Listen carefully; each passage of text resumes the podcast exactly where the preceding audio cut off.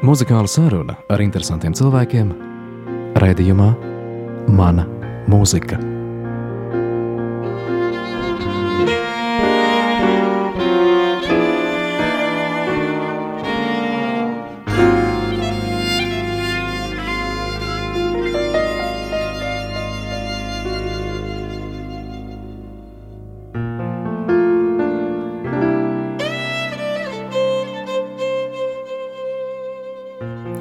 Klasikas mikrofona Signe Lakstiņa un raidījumā Mana mūzika sveicu mūziķi, precīzāk džezistu, Tomu Poišu. Labdien! Tā kā tu esi džeza mūziķis, tad arī raidījuma vadlīnija būs džess, bet ne tikai. Tavā sarakstā ir arī manāms kāds akadēmiskās mūzikas stars, bet pirms klausāmies un atklājam sarakstu, tu pats esi izpildītājs un mūzika nepārtraukti skan tavā ikdienā. Kā tev pašam ar mūzikas klausīšanos? Atkarībā no tā, ko es pats tajā brīdī daru, kāds periods man dzīvē ir, ir brīži, kad man jāspēlē daudz pašam, tad es cenšos izvairīties no mūzikas klausīšanās, jo mūzikai tā īpatnība, ka viņa ļoti viegli ielien tev galvā, un tu viņu nevar dabūt ārā. Citreiz tas var arī beigties ar to, ka pēkšņi secina, ka tu esi ietekmējies pats pēc savu gribu, un līdz to vislabākais ir koncentrēties uz mūziku, ko es tajā brīdī radu pats vai es spēlēju, vai es rakstu, un uh, priecāties pārējā laikā par klusumu. Tā ir. Protams, ir brīži, kad mūzikas klausos, meklējot kaut ko priekš savas profesionālās darbības, lai salīdzinātu vai iedvesmotos. Citreiz es vienkārši meklēju kaut ko jaunu, bet pārsvarā es pat īstenībā laikam zinu, ko es meklēju. Vai es to atrodu vai nē, tas ir cits jautājums. Ne? Un kā parasti notiek tā meklēšana?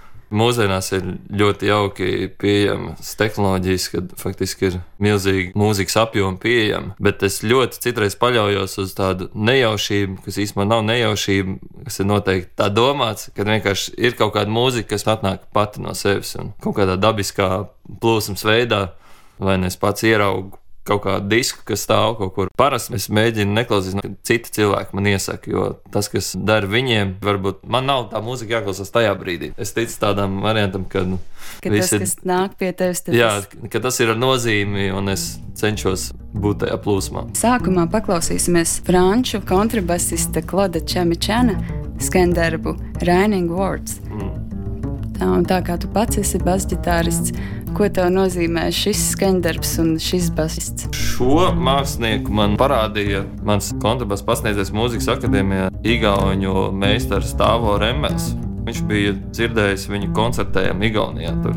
Šajā gadījumā tas tiešām bija ļoti būtisks. Tieši šis skaņdarbs, jo viņš kaut kā izmainīja manu skatījumu par to, ko nozīmē mūsdienās būt džēza kontrabasiem, tā ziņā improvizējušam mūziķim, kas spēlē kontrabasu. Pavisam interesanti, es klausījos šo ierakstu. Klausījos daudz reizes, un vēl es uzgāju ierakstu, ka viņš spēlē kā kaut kādā bibliotekā Francijā. Un tajā brīdī es sapratu, cik viņš spēcīgi interpretē savu mūziku. Bet uh, pats galvenais, kas raksturo šo mūziku, ir enerģija. Liekas, enerģijas apjoms ir milzīgs. Tāds sajūta, ka neizsmējams. Viņš varētu spēlēt 30 stundas no vietas. Un, un, Es domāju, ka publika būtu tā kā es diegiem pieklāt eh, fantastisks mūziķis. Īpaši kā solo kontrabass māksliniekam tas ir ļoti grūti. Pats esmu mēģinājis tikai pāris reizes kaut ko tādu. Nu, tiešām teikt, ka jā, tas ir apbrīnojami prasme.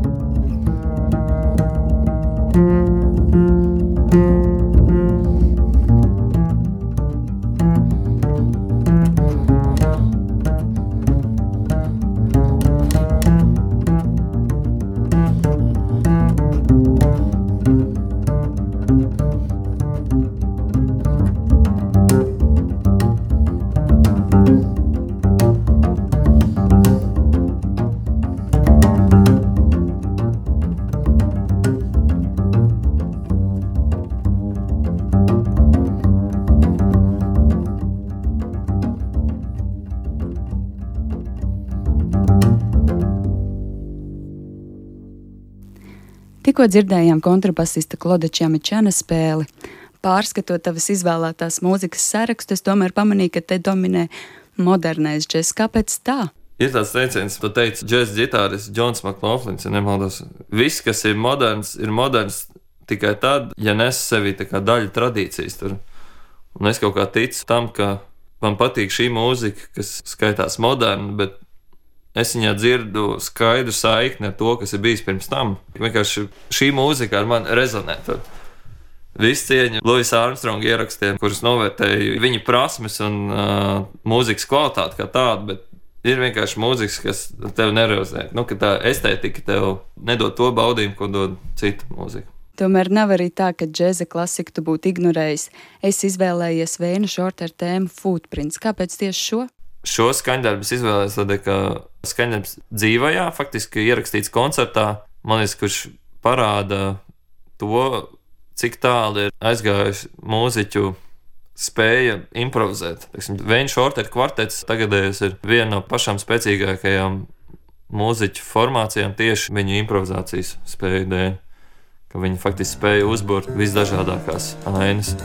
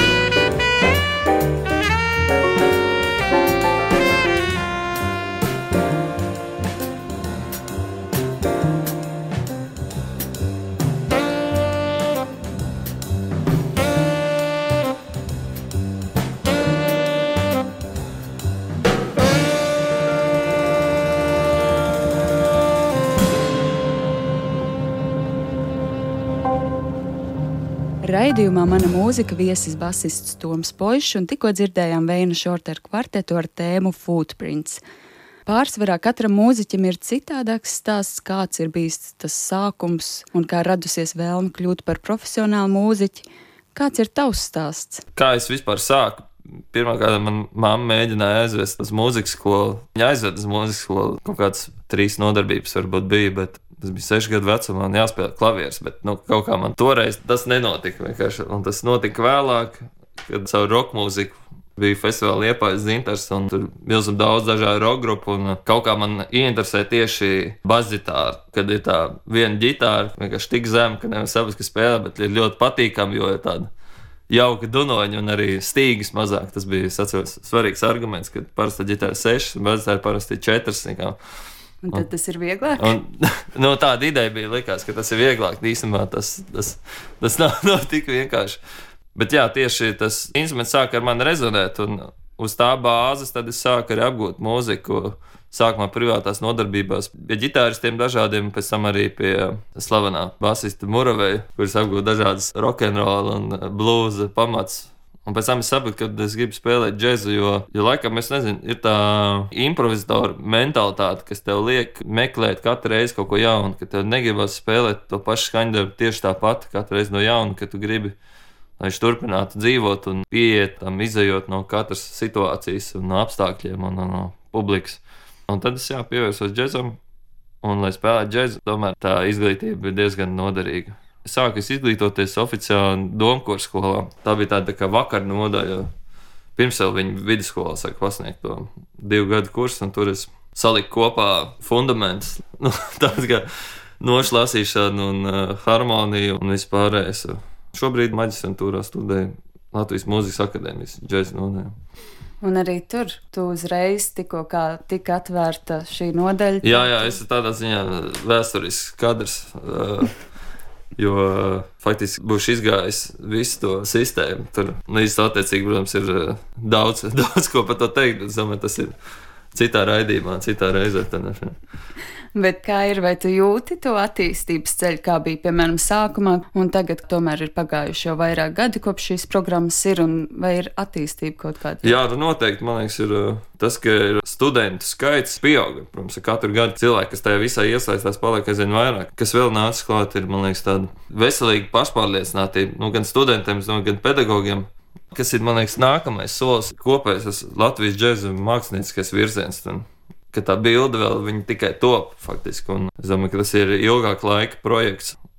Tas būs arī liekas, liela darba rezultāts, kuru mums pašiem katram jāiegulda maksimāli pēc iespējas radoši darboties un radot mūziku, lai varētu saprast, kā tad skan Latvijas džeks. Nu, Nevis kā amerikāņu džēza interpretācija vai, vai kaut kas tāds. Jo, piemēram, Norvēģiem ir savs džeks, viņš ir tik daudzšķaitnāts, bet visi apmēram zina, kas tas ir. Vienkārši jādod laiks, lai visas tās ietekmes, kas mums šeit ir, lai viņas iet iekšā, samaisās un tad tas rezultāts būs arī. Nesen bija mūzikas vidusskola, džēza konkurss, un Jā. tad viņiem bija uzdevums aranžēt latviešu tautas dziesmu, vai tas varētu būt latviešu džēza? Es pārstāvu to viedokli, ka, teiksim, ir saucamie džēza standarti, kas ir faktiski lielā amerikāņu dziesmu grāmata, kur ir dziesmas no 20, 30 gadiem, kas tajā laikā faktiski bija popmūzika, bet uh, džēza mūziku izmanto kā improvizācijas platformas. Protams, ir notikušas daudz pārmaiņas un transformācijas šiem skaņdarbiem. Bet Brāļa Meldo piemērs, kurš nebaidās izmantot repertuāru, kas saistās faktiski drīzāk ar roka mūziku vai pop mūziku, un spēlēt to tā, kā viņš spēlē, kā džēzus mūziķis ar visu to attieksmi, līdz to darot to pašu, ko mūziķi darīja pirms tam. Man kaut kā uzrunā, jo, jo es zinu, kā tā dziesma skanēja oriģinālā izpildījumā. Un tajā brīdī, kad es to zinu, es skaidri redzu viņa interpretāciju un, un to, cik uh, lielisks mūziķis un viņa kolēģi viņi ir īstenībā. Līdz ar to pie nonāk, man liekas, ka ne tikai folk mūzika ir tas, kas ir latviešu. Es domāju, viss mm. latviskais ir arī latviešu popmūzika un rockmūzika komponists, tādi kā Imants Kalniņš un vispārējais. Tas viss materiāls kaut kur mūsu apziņā ir. Un tā skaitā arī, domāju, latviešu klasiķi. Tas, tas viss ir neatņemami mūsu sastāvdaļa. Tas arī beig beigās, domāju, būs sastāvdaļas, kas definēs to Latvijas džēzu tajā brīdī. Paklausīsimies Brāda Meldo skandaru Black Hole Sun, kas tiešām ir sākumā Krisa Kornela tēma mm. roka mūzikā, kas sasaucās arī to, kā tu sāki savu džēza karjeru. Jā, jā. Un es dzirdēju arī to versiju ilgi pirms uh, Brāļa Meldam. Jā, es tieši arī esmu klausījusies pārsvarā tikai mm. to, un tā ir tiešām ļoti skaista dziesma. Mm. Un arī šajā džēza interpretācijā tā ir. Klausāmies!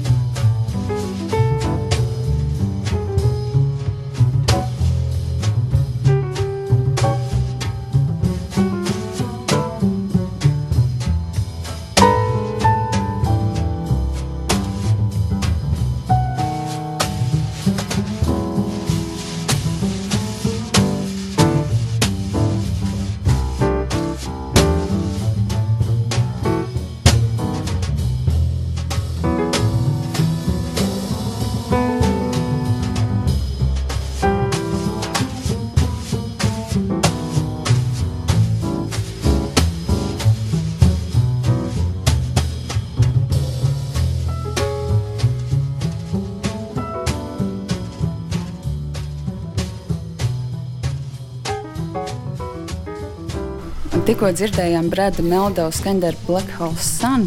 Šis mūziķis pārsvarā uzstājās trio sastāvos un šādi arī solo. Un viņš pats esot teicis arī, ka tieši šis trio sastāvs viņam ir vistuvākais. Kā tev? Vai tu izvēlējies sastāvus, vai tev ir kāds sastāvs, kurā tev ir visērtāk vai vislabāk spēlēt? Faktiski katrs sastāvs ir kā spēles laukums īstenībā, un laukuma izmērs vienmēr ir nemainīgs mainīgas ir daļas, ko katrs ansambļa dalībnieks aizņem, vai kuras viņam jāpiepilda, vai kurā viņš var darboties. Un, attiecīgi, trijo tas būtu daudz vairāk nekā Big Bandā. Tur kā, nemazinot katru dalībnieku lomu, tas kā mēs aizņemam, piemēram, Big Bandā, teiksim, viens mūziķis jā, nospēlē noti, kas ir absolūti garā. Teiksim, var izjaukt visu skaņdarbu, plūsmu vispārējo, bet man šķiet, es laikam jūtos ērtāk mazākos sastāvos. Bet tad ir lielāka atbildība. Tad ir lielāka atbildība, un laikam tas ir arī forši. Vairāk var veidot, man liekas, arī instrumentu specifika. Teiksim, kontrabas nav tas skaļākais vai tas agresīvākais instruments. Vienmēr visi pušami saksofoni, trompets vienmēr izvirzās priekšplānā, kas ir arī loģiski tikai, bet trijo sastāvos faktiski tev ir vairāk iespējas. Instruments ir vairāk dzirdams. Viss, ko tu dari, labāk nolasās. Savukārt lielākiem sastāviem, protams, ir pilnīgi cita jauda un pilnīgi cits enerģijas līmenis. Ja visi spēlē kopā un ir vienoti tajā, ko viņi dara, tad tas ir fantastiski. Bet kontrabasam jau nemainīga loma, tomēr arī dažādos sastāvos. Nu, funkcionāli, faktiski, jā, no tā nevar aizbēgt, bet tādēļ jau arī to spēlē, ka ne, nevis tikai instrumentu tembrs arī tā funkcija, kaut kas tur izskaistē visā. Kad tu spēlē to zemāko noti un uz tevis balstās, un ka tu arī vari ārēji varbūt nemanām, bet ļoti daudz ko ietekmēt. Vienkārši spēlējot savu funkciju, darot savu darbu. Pastāst cīkāk par to, cik tomēr tiešām ir liela un nozīmīga kontrabasa funkcijas skaņdarbos. Piemēram, tur, kur spēlē big bandi, tur mēs pat bieži nedzirdam to mm. kontrabasu, bet ja viņa nebūtu, to mēs gan justu. Jā, jā, jā, viņš ir kontrabas, ir tāds kā tas sauc, līmes tipa instruments. Nu, vispār basa instrumenti. Es kaut kā jūtu, ka, teiksim, varētu uztaisīt eksperimentu, kur skanētu daudz tādu ierakstu, mēs nogriezt to basa celiņu nost un kādu laiku paklausītos, un pēc tam pieņems klāsts, man liekas, tad, tad visiem būtu skaidrs, ka tajā brīdī, kad spēlē basu, tad beidzot tā mājā sajiet kopā. Es nezinu, kāds paralēls ar arhitektūru varētu būt. Basarā, bet jums ļoti svarīga sastāvdaļa ja runa par tādu swingu stilu mūziku, tad uzskats, ka bungas ir kā motors, ja salīdzinām mašīnu, kā dzinējs, bet eh, basi kā riteņi, kas virza mūzikas virzību uz priekšu. Faktiski bass ļoti daudz virzas harmoniju. Piemēram, to pašu harmoniju, ko spēlēt pianists un mainīt basu notu, skaņa būtu stipri atšķirīga. Nu, tā. Mūzikā, jā, es uzskatu, svarīgākais pašas augšējās notis un pašas apakšējās. Un, tas, kas notiek pa vidu. Tas ir, eh, tas ir pildījums. Tas, tas ir pildījums. Tā kā aizrunājāmies par basģitāru un kontrabasu, tad tagad varbūt tomēr paklausīsimies kaut ko no akadēmiskās mūzikas. Tas būs Baha chromatiskā fantāzija, bet basģitārista Džakopa Storijus izpildījumā.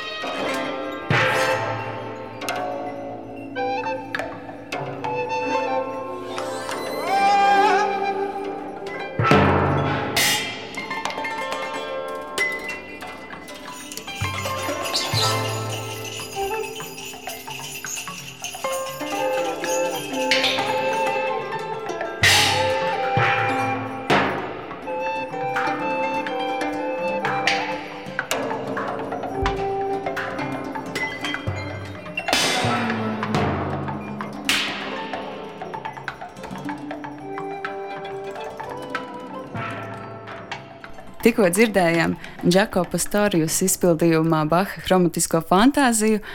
Vai šis basists tev arī ir kaut kā ietekmējis un iespaidojis? Ļoti interesants, starp citu, Džako Pastorijus. Viņš gribēja spēlēt kontrabasu. Viņš pat bija nopircis kontrabasu, bet viņam notika kaut kāds nelēms gadījums saistībā ar klimatu, man liekas. Kontrabass ļoti jūtīgs pret sausumu vai mitrumu. Es neatceros, kas bija noticis, bet viņš vienā dienā konstatēja, ka instruments ir saplīsis lupatās, ja var tā izteikties.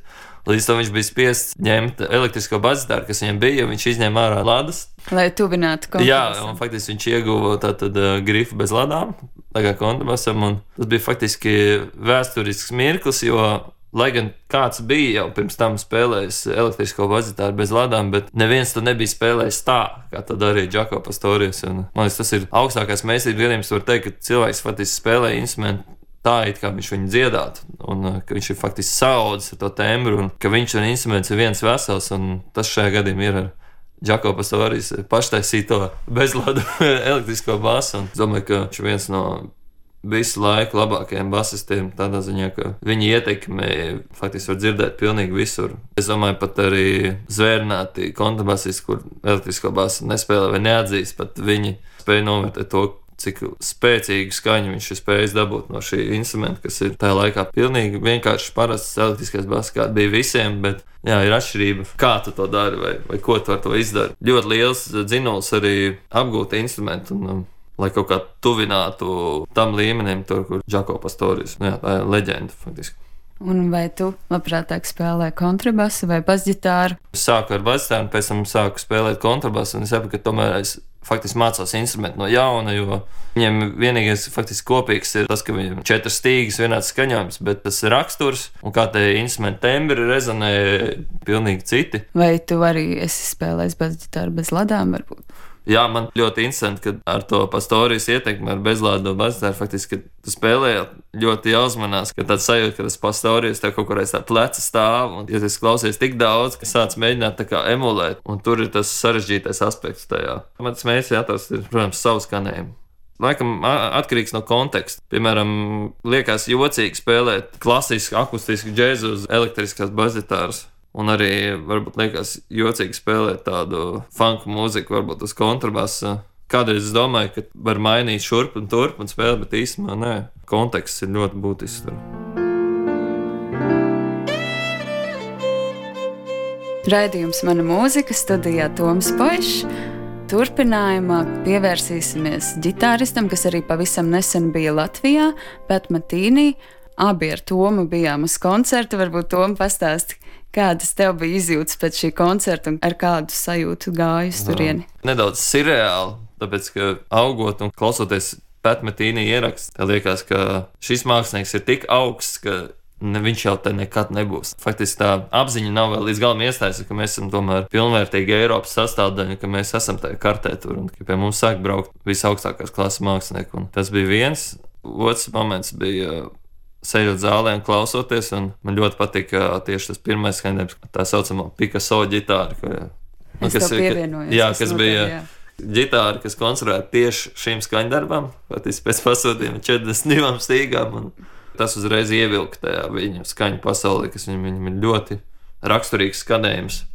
Tas skanējums jau ir tāds jau kādus 20, 30 gadus, bet es domāju, neviens nesūdzās par kaut kādu vienmuļību. Skanējumu var atpazīt, bet dažādus interesantus instalējumus mm. viņš ar vienu atrod. Un arī koncertā mēs mm. redzējām, ka tiešām bija daudz dažādu mm. mehānismu. Tas jau ir tik tālu, ka tas faktiski pietuvojās tai robežai, cik mūzika tālu ir. Viņš faktiski ir izplētis to telpu, kurā viņš darbojas, vai to spēles laukumu, kā mēs pirms tam runājām. Nu, trijo kvartets, kvintets, ka viņš to ir iztaipījis kaut kādā pilnīgi citā trīsdimensionālā veidā pielicis lietas, kas ir cilvēks pat vispār neiedomājas, ka kaut ko tādu varētu izdarīt. Un Viņam ļoti patīk tehnoloģijas, un mūsdienās tehnoloģijas tiešām atļauj kaut ko tādu realizēt. Man liekas, ir fantastiski, ka cilvēki to izmanto. Redzējām gan mehāniskās marimbas, gan pudeles, kuras pašas jā, skan. Jā, jā.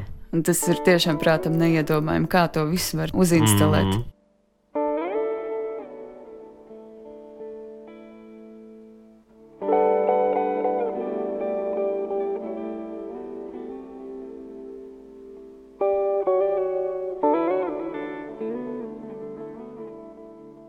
Tāpēc tagad laiks klausīties Pat Matīnī skaņdarbu Midwestern Nights Dream. Un tur piedalās arī jau iepriekš minētais Džako Pastorijus.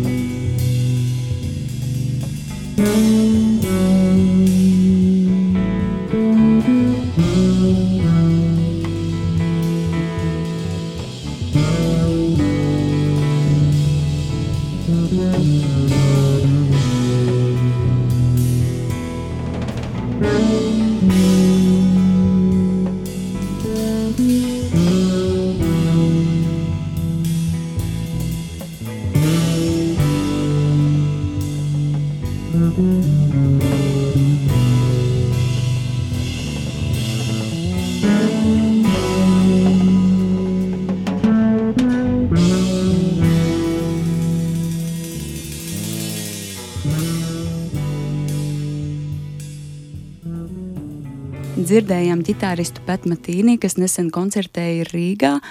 Arī raidījuma viesis Toms Pošs ir koncertējošs mūziķis. Kā tev ir ar koncertiem? Vai bieži sanāk koncertēt, un vai ir koncerti arī ārpus Latvijas?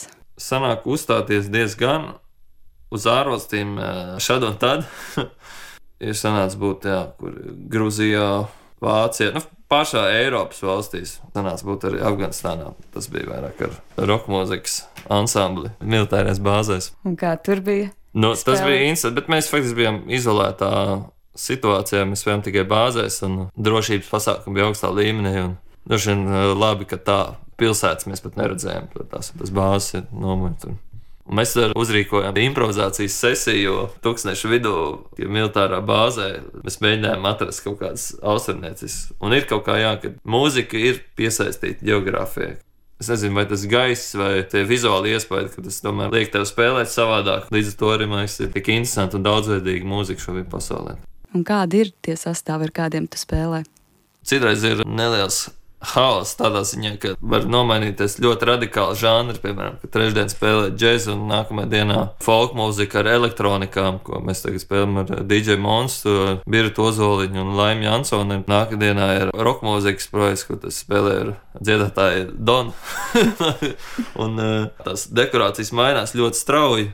Un kā ir, vai tu vari pāriet ieiet tajā ir, citā tēlā uzreiz. Ne. Var, jā, un ir diezgan liels baudījums no tā, ka tu faktiski neesi piesiets vienā lietā, ka tu redzi, kā mainās vide ap tevi un var pētīt sevi, vai tu mainies pats, vai mainās tikai vide, bet vai tu pats paliec tās pats. Un... Padalīsies ar novērojumiem par sevi, kā tu mainies spēlējot nu, piemēram, ar Donu. Piemēram, jā, jā, piemēram, ko es mainīju, katram ansamblim ir sava identitāte, sava enerģija, man liekas, mūzika ir daudz par to, kāda enerģija viņi spēlē un kāda enerģija tiek novirzīta klausītājiem. Piemēram, ar to pašu Donu, kas ir faktiski pop-rock mūzika, daudz roka mūzikas elementu un attiecīgi jaudu, un tas ir faktiski vērsts tiešā veidā klausītājiem. Viņš uzrunā ar uh, jaudu un faktiski paņem iekšā ar tādu spēku. Un, savukārt citur ir kaut kādi atslēgas elementi, ap kuriem tā enerģija uzbūvējas daudz mierīgāk, plūstošāk, piemēram, elektroniskie folk projekti. Tur tas, kas strādā, tad Donu pilnīgi nedara. Līdz to es secinu, ka pats pats nemainos, bet uztvere mainās tur. Mainās veids, kā es klausos un uz ko es klausos. Nesen bija arī pirmā starptautiskā džēza diena jā, Latvijā. Jā, bija tas gods ņemt dalību ar mūsu instrumentālo vai moderno, modernā fusion stila trio tristika, kur mēs muzicējam kopā ar Dāvidu Jurku un Rudolfu Dankfeldu. Un es varu teikt tikai to pozitīvāko, un es biju pārsteigts, faktiski, cik daudz cilvēku apmeklēja. Faktiski es domāju, ka tas ir tāds labs impulss, lai nebūtu džeks jāspēlē tikai tajā vienā dienā, bet arī citās pārējās faktiski. Jo jums ir iespēja redzēt, ka tomēr vēlas dzirdēt cilvēku. Jā, un ir priekš mums pašiem, piemēram, ir ļoti viegli iesūnot citreiz un dzīvot kaut kādā savā tādā komfortā iekšējā, bet jā, ir svarīgi regulāri uzstāties. Ir jāsagatavojas, un līdz to tas nozīmē faktiski skaņdarbu komponēšanu, aranžēšanu vispār, un tajā brīdī tas muzikālais process sāk darboties. Mani nedaudz mulsināja tas, ka tomēr tā bija viena diena un tik daudz pasākumu un tik dažādās vietās un, jā, nu, un vienādos piekrīt, laikos, jā. un ko darīt. Jā, nu tā ir problēma, manuprāt, tas arī noteikti ieteikšu pasākumu organizatoriem, teiksim, no mūziķa viedokļa arī, piemēram, neskatoties to, ka mēs paši spēlējam, tomēr mums arī interesē paklausīties pēc iespējas, ko citi dara, bet šajā gadījumā faktiski iespēja noklausīt tikai vēl vienu ansambli. Labāk būtu varbūt nedaudz mazāk tās vietas, bet ar garāku programmu, vai arī ir iespēju, ka viņas varbūt tik ļoti nepārklājās. Tad tagad kaut kas pilnīgi kontrastā. Varbūt kaut kādā mērā arī tas ir džeks, bet tomēr mēs klausāmies to kā akadēmisko mūziku. Tas ir Klods debesī, mēnesis gaisma.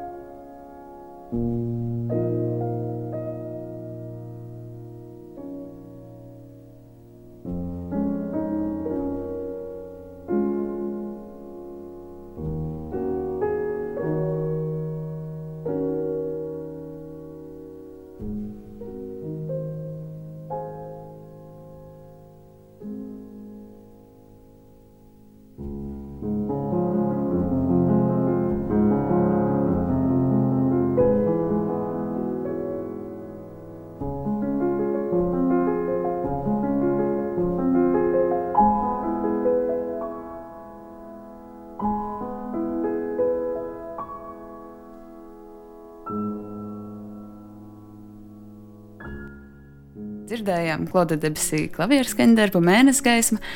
Un kādas tev ir attiecības ar debesī un šo skaņdarbu? Nebija tik labas attiecības ar klavierēm bērnībā, bet ar šo skaņdarbu un vēl citiem arī Chopēna skaņdarbiem es mēģinu atrast ceļu pie tā klavieru skanējuma. Tad muļķīgi, bet kaut kur vienmēr tas fonā ir. Tas bērnībā piedzīvotās lietas vienmēr, man liekas, mums visiem vēl kāds visu mūžu līdzi. Un, faktiski tādā komiskā līmenī, bet šajā brīdī man liekas, klasiskā mūzika un džeks nu, ir tik tuvu gan kā nekad. Arī nevelti, man liekas, Mails Deivis ļoti ietekmējās no impresionistiem un radīja vairākus albumus, kas bija ar tādu vidēju lielam orķestri, mēģinot veidot tādas krāsas, un tā klusuma un skaņa attiecība ir liekas, tā ideālā, ko viņš meklē. Un līdz arī uzliek kādu balādi no kāda viņa albumiem, liekas, ka tas ir Protams, atšķirās varbūt formas ziņā, bet tie mērķi muzikāli ir diezgan līdzīgi.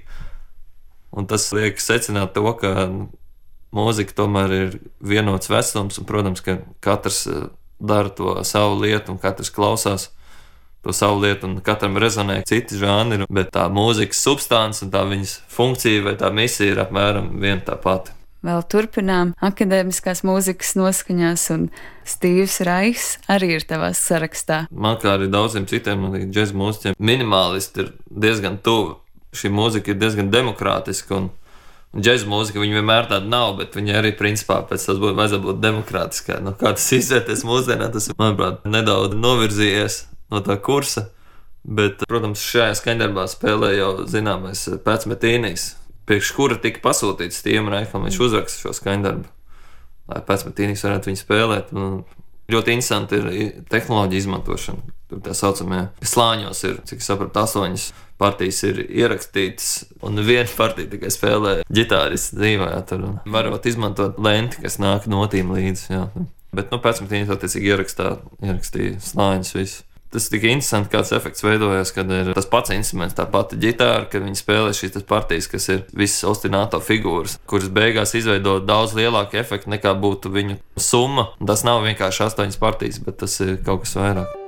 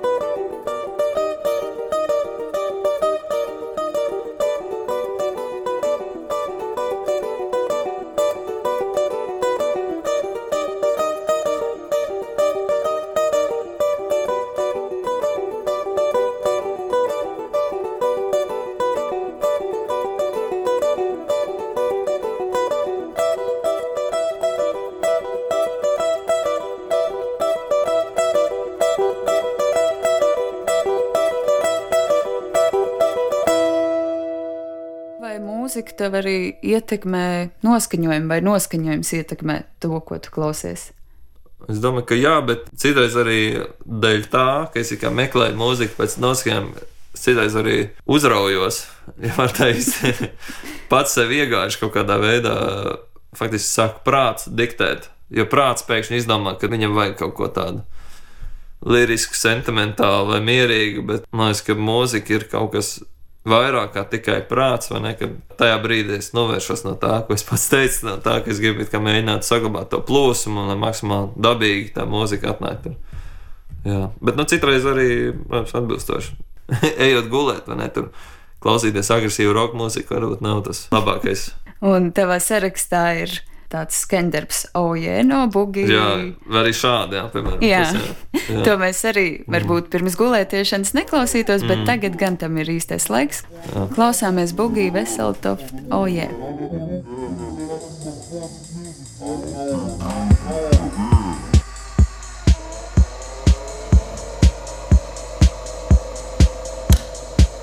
Thank you.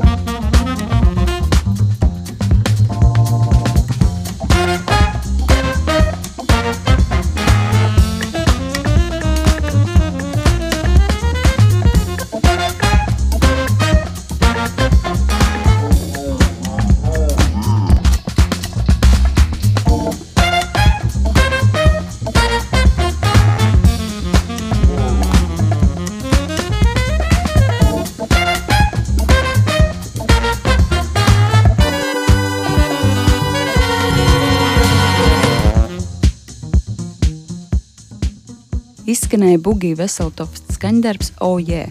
Un nu jau, diemžēl, raidījums Mana mūzika ar viesi, džēza mūziķi Tomu Poišu būs izskanējis. Un noslēgumā, vai tu vari atklāt savus plānus pēc maģistrantūras beigšanas, vai plāno sākt arī pedagoģisko darbību? Es vēl domāju tieši par pedagoģiskiem izpausmes veidiem, bet plāni nenoliedzami ir. Tāpēc, ka pēc maniem novērojumiem, tam lauciņam, mūzikas, ko es pārstāvu, jau daudz kur ir augt, un faktiski ir daudz neizmantot iespēju. Un sākot jau, man liekas, gan bērnu mūzikas skolām, faktiski visos līmeņos ir daudz ko pilnveidot, un ir daudz ideju, kā varētu to darīt. Vienkārši jāķerās klāt, un es faktiski to domāju arī nopietni darīt. Es tev tiešām novēlu, lai tev izdodas pedagoģiskie papildinājumi, jo tas tiešām mums ir nepieciešams, un ir ļoti jauki, ka ir tādi cilvēki, kas vēl apņēmības pilni par to. Paldies tev! Paldies!